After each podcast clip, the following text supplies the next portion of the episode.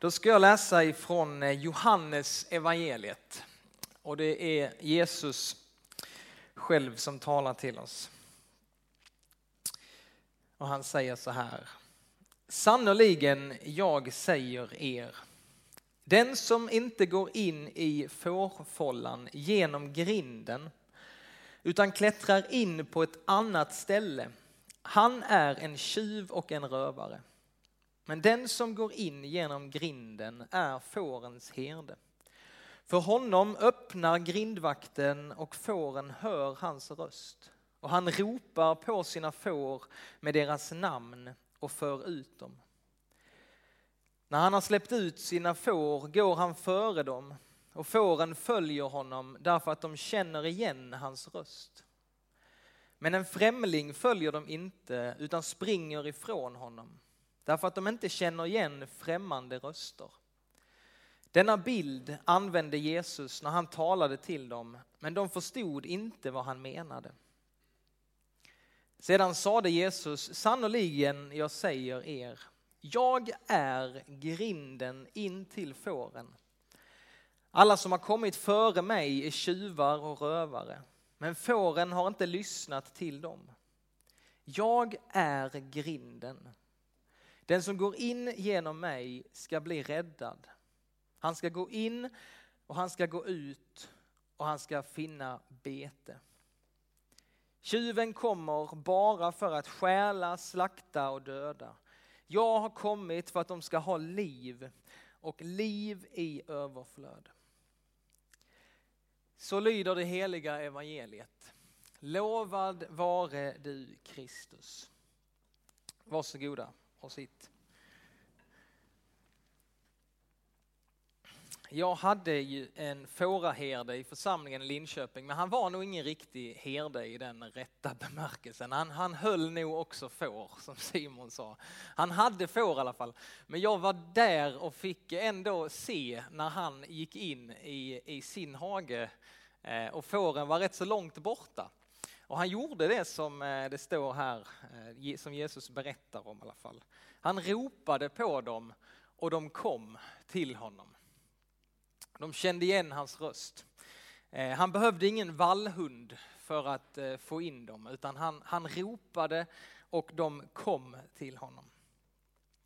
Och då, på den här tiden och i vissa kulturer fortfarande idag, så, så var det ju verkligen att herden umgicks med fåren ja, största delen av sin tid.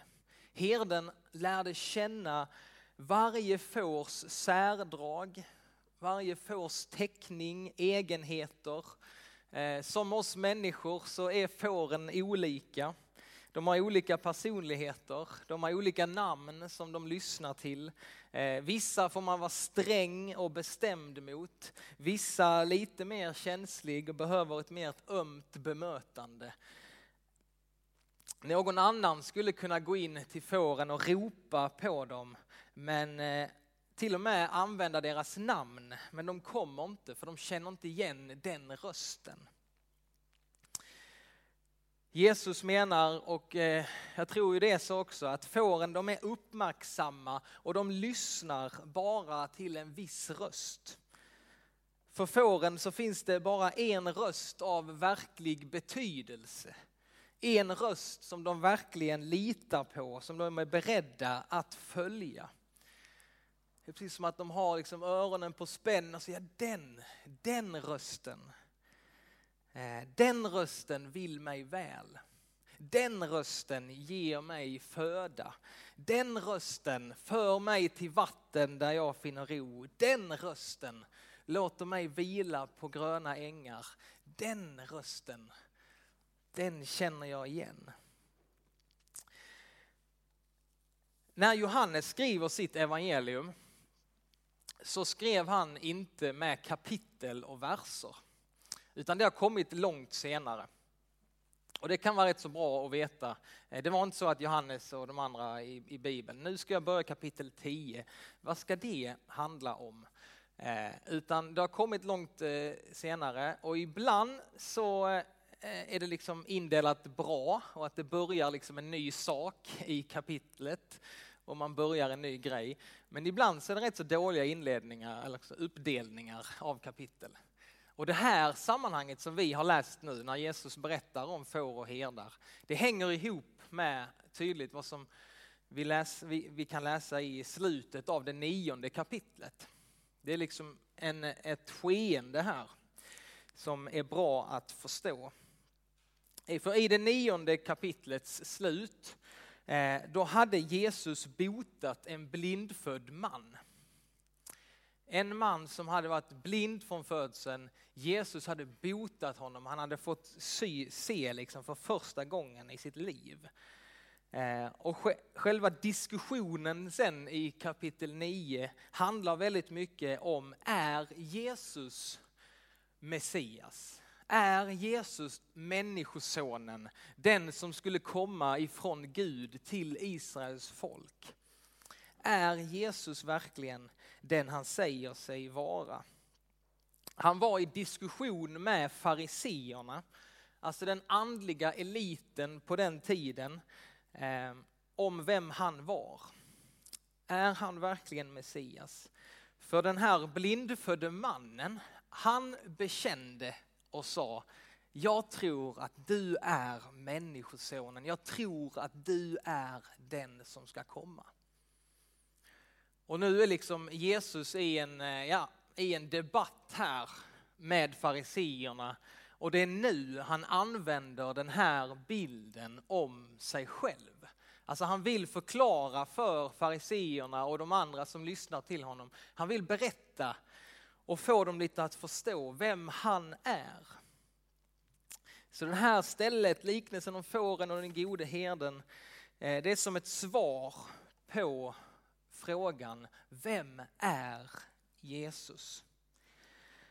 Och så använder sig då Jesus av vardagliga bilder som de kunde förstå. Eh, och så ville han liksom förklara med vardagliga bilder om vem han var. Men han använder också väldigt medvetet herdebilden när han talar om sig själv.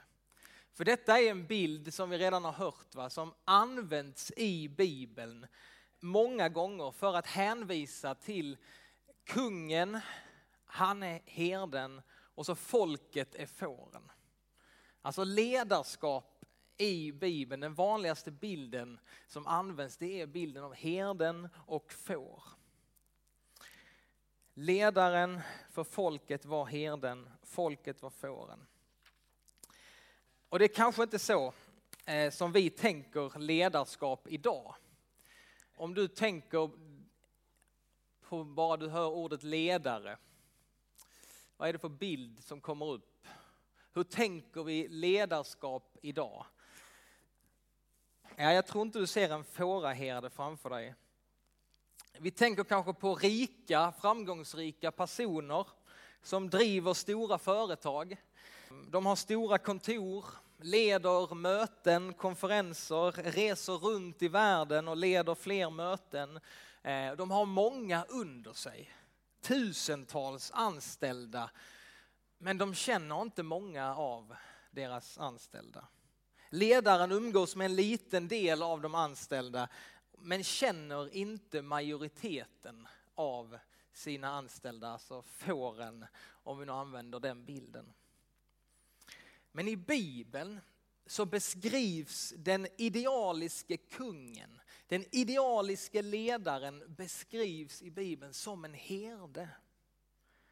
Alltså det är den viktigaste bilden i Bibeln när det handlar om ledarskap. Så är det bilden av herden. Alltså en nära relation mellan ledaren och den ledde. Det var så man föredrog att prata om kungadömet, ledarskapet på den tiden. Och nu använder alltså Jesus väldigt medvetet den bilden för att visa eh, och liksom berätta att jag är den sanne herden. Jag är den sanne herden över Israel. Och det är på något sätt som han säger, ja men hur kan ni veta det? Hur kan ni veta att jag är den sanne herden? Hur kan man känna igen herden? Hur kan man känna igen kungen när han kommer? Jo, det är precis som att Jesus verkar svara, ja men se själva. Det är just detta som jag håller på med när jag går runt här. Se på människorna som följer mig. De följer mig för att de känner igen min röst. Lyssna på deras berättelse. Lyssna på den blindfödde. Han kände igen Jesu röst. Han känner igen min röst, menar Jesus. Han ser det som ni inte kunde se. När han talar om fariseerna. Och så fortsätter Jesus att säga, jag är grinden. Och när Jesus säger orden jag är, då tror jag eh, det sker någonting i den stunden, där och då. Alla reagerar när Jesus säger jag är. För att det finns flera sådana ord i, framförallt i Johannes evangeliet, så är det flera tillfällen där Jesus säger jag är.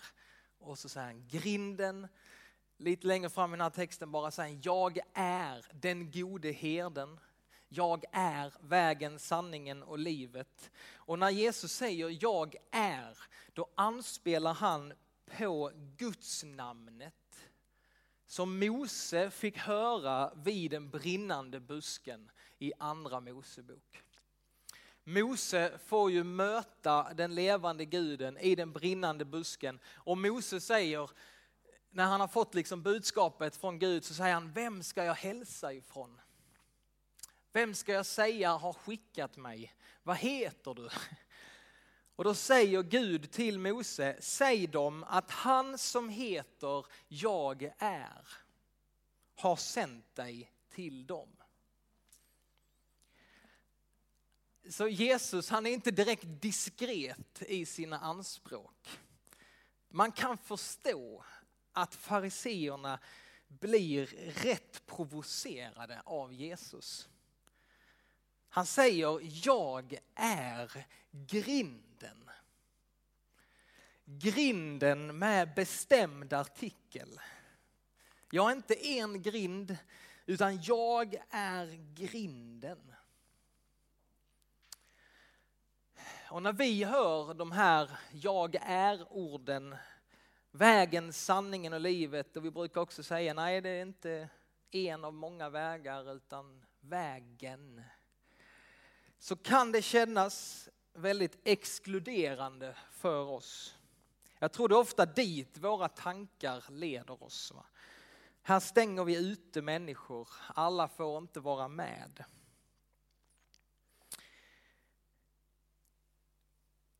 Jag tror vi tänker så.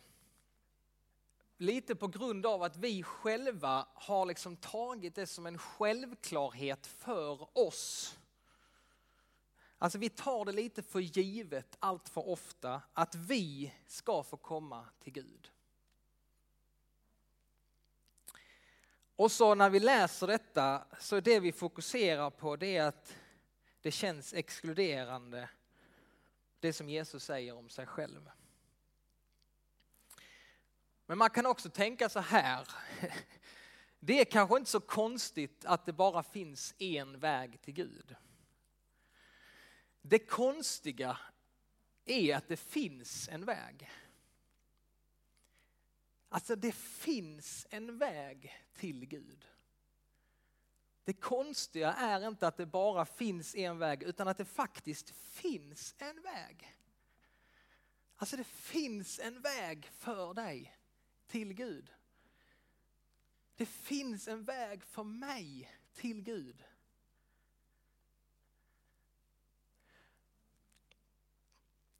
Och tidigare i Johannes evangelium så säger Jesus så här om sig själv. Alla som Fadern ger mig ska komma till mig. Och den som kommer till mig skall jag inte visa bort. Det är rätt inkluderande skulle jag säga. Och vi vet det, Jesus gick över alla gränser för att göra det möjligt för oss att komma till honom. Det är så otroligt att det finns en väg. Det finns en väg för dig och mig som är öppen, ja för alla människor. Det finns en väg. Och jag tror att om vi på något sätt får drabbas av det här, inte ta det för givet. Alltså, ja men jag ska ju komma dit. Inte ta det, inte ta frälsningen för givet. Utan att få verkligen drabbas av det. Så tror jag att vi också kommer bli bättre på att få berätta för andra att det finns en väg. Det finns en väg som är öppen. Det är inte så konstigt att det bara finns en grind, en väg till Gud. Det oerhörda är att det finns en väg. Och vi på något sätt får, eh, ja vi får vara fyllas på något sätt av tacksamhet för vad vi har fått uppleva, vad vi har fått. Och vi behöver liksom inte, ja, jag, jag tänker mig att Jesus han, han, var, han hade sådana exklusiva anspråk på vem han själv var. Det var exklusiva anspråk, men vi ser när Jesus möter människor så inkluderar han människor. Han exkluderar inte människor. Jo, han gör det mot dem som tror sig veta allt och kunna allt och som inte är ödmjuka och som inte vänder sig. De som tror att de är bättre än alla andra, de är han rätt hård mot. Men alla de som kommer till honom, han, de tänker han inte visa bort. Och jag, jag önskar det för vår gemenskap, för vår församling, ja för ditt och mitt liv. Att vi kan få hålla anspråken om vem Jesus är, vi kan få hålla dem högt. Det är exklusiva anspråk om vem Jesus är. Han är unik, det finns ingen som honom. Men samtidigt få vara en inkluderande gemenskap. Dra med människor. Vittna om att det finns en väg. Det är inte du och jag som ska döma, men vi får vara vittnen, vi får berätta att det finns en väg. Alla de som kommer till mig ska jag inte visa bort. Jag är grinden. Och jag tänker den här bilden av grinden. Jesus säger jag är grinden. Det vill visa att han värnar om fårens säkerhet. Och han vakar över dem när de kommer och går. Precis som eh, Gud i Saltaren 121. Där står det, Herren ska bevara din utgång och din ingång från nu och till evig tid. Betoningen här ligger liksom på säkerhet för fåren, men samtidigt på ett fullvärdigt liv. Både säkerhet men också ett fullvärdigt liv för fåren. Jesu främsta prioritet är fåren. Han ger sitt liv för fåren för att de ska ha liv och liv i överflöd. Och när du hittar en sån ledare, ja då har du hittat den sanne herden. Jesus han lovar oss ett rikt liv, ett liv i överflöd. Och jag tänker det är lika relevant för oss idag, det han säger, som det var då.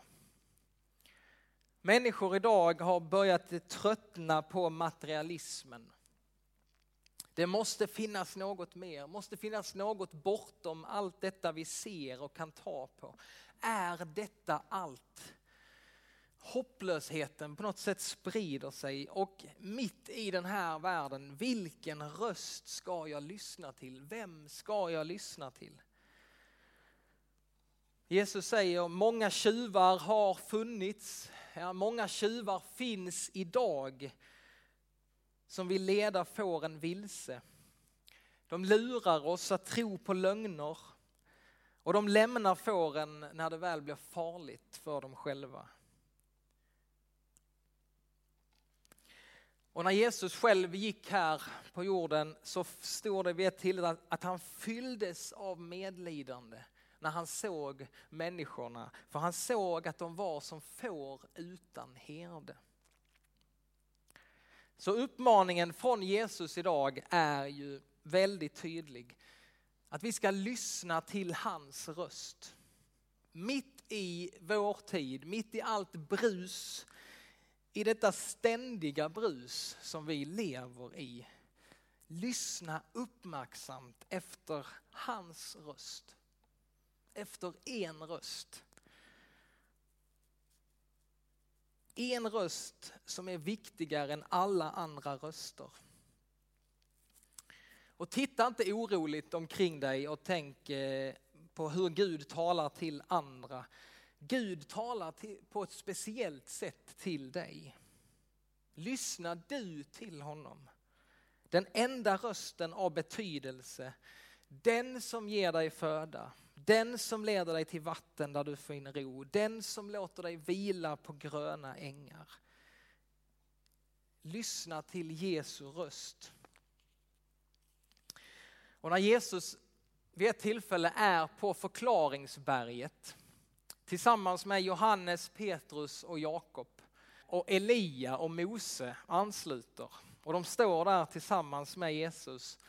Så, så står det ju så här att då sänkte sig ett lysande moln och ur molnet kom en röst som sade Detta är min älskade son, han är min utvalde.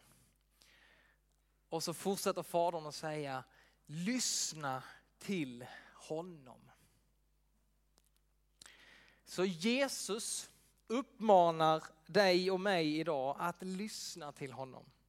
Fadern i himmelen uppmanar dig att lyssna till honom. Den helige andes uppgift är att påminna oss om allt det som Jesus har sagt.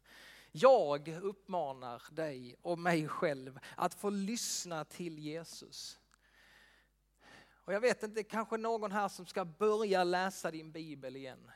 Du har inte haft den framme på länge. Börja läs din bibel igen. Lyssna till Jesu röst. Ta tid att lyssna på den röst av verklig betydelse för ditt liv. Vi ber tillsammans. Tack Jesus Kristus för den du är och att du är den gode herden. Att du är våra själars herde och vårdare. Du har omsorg om oss.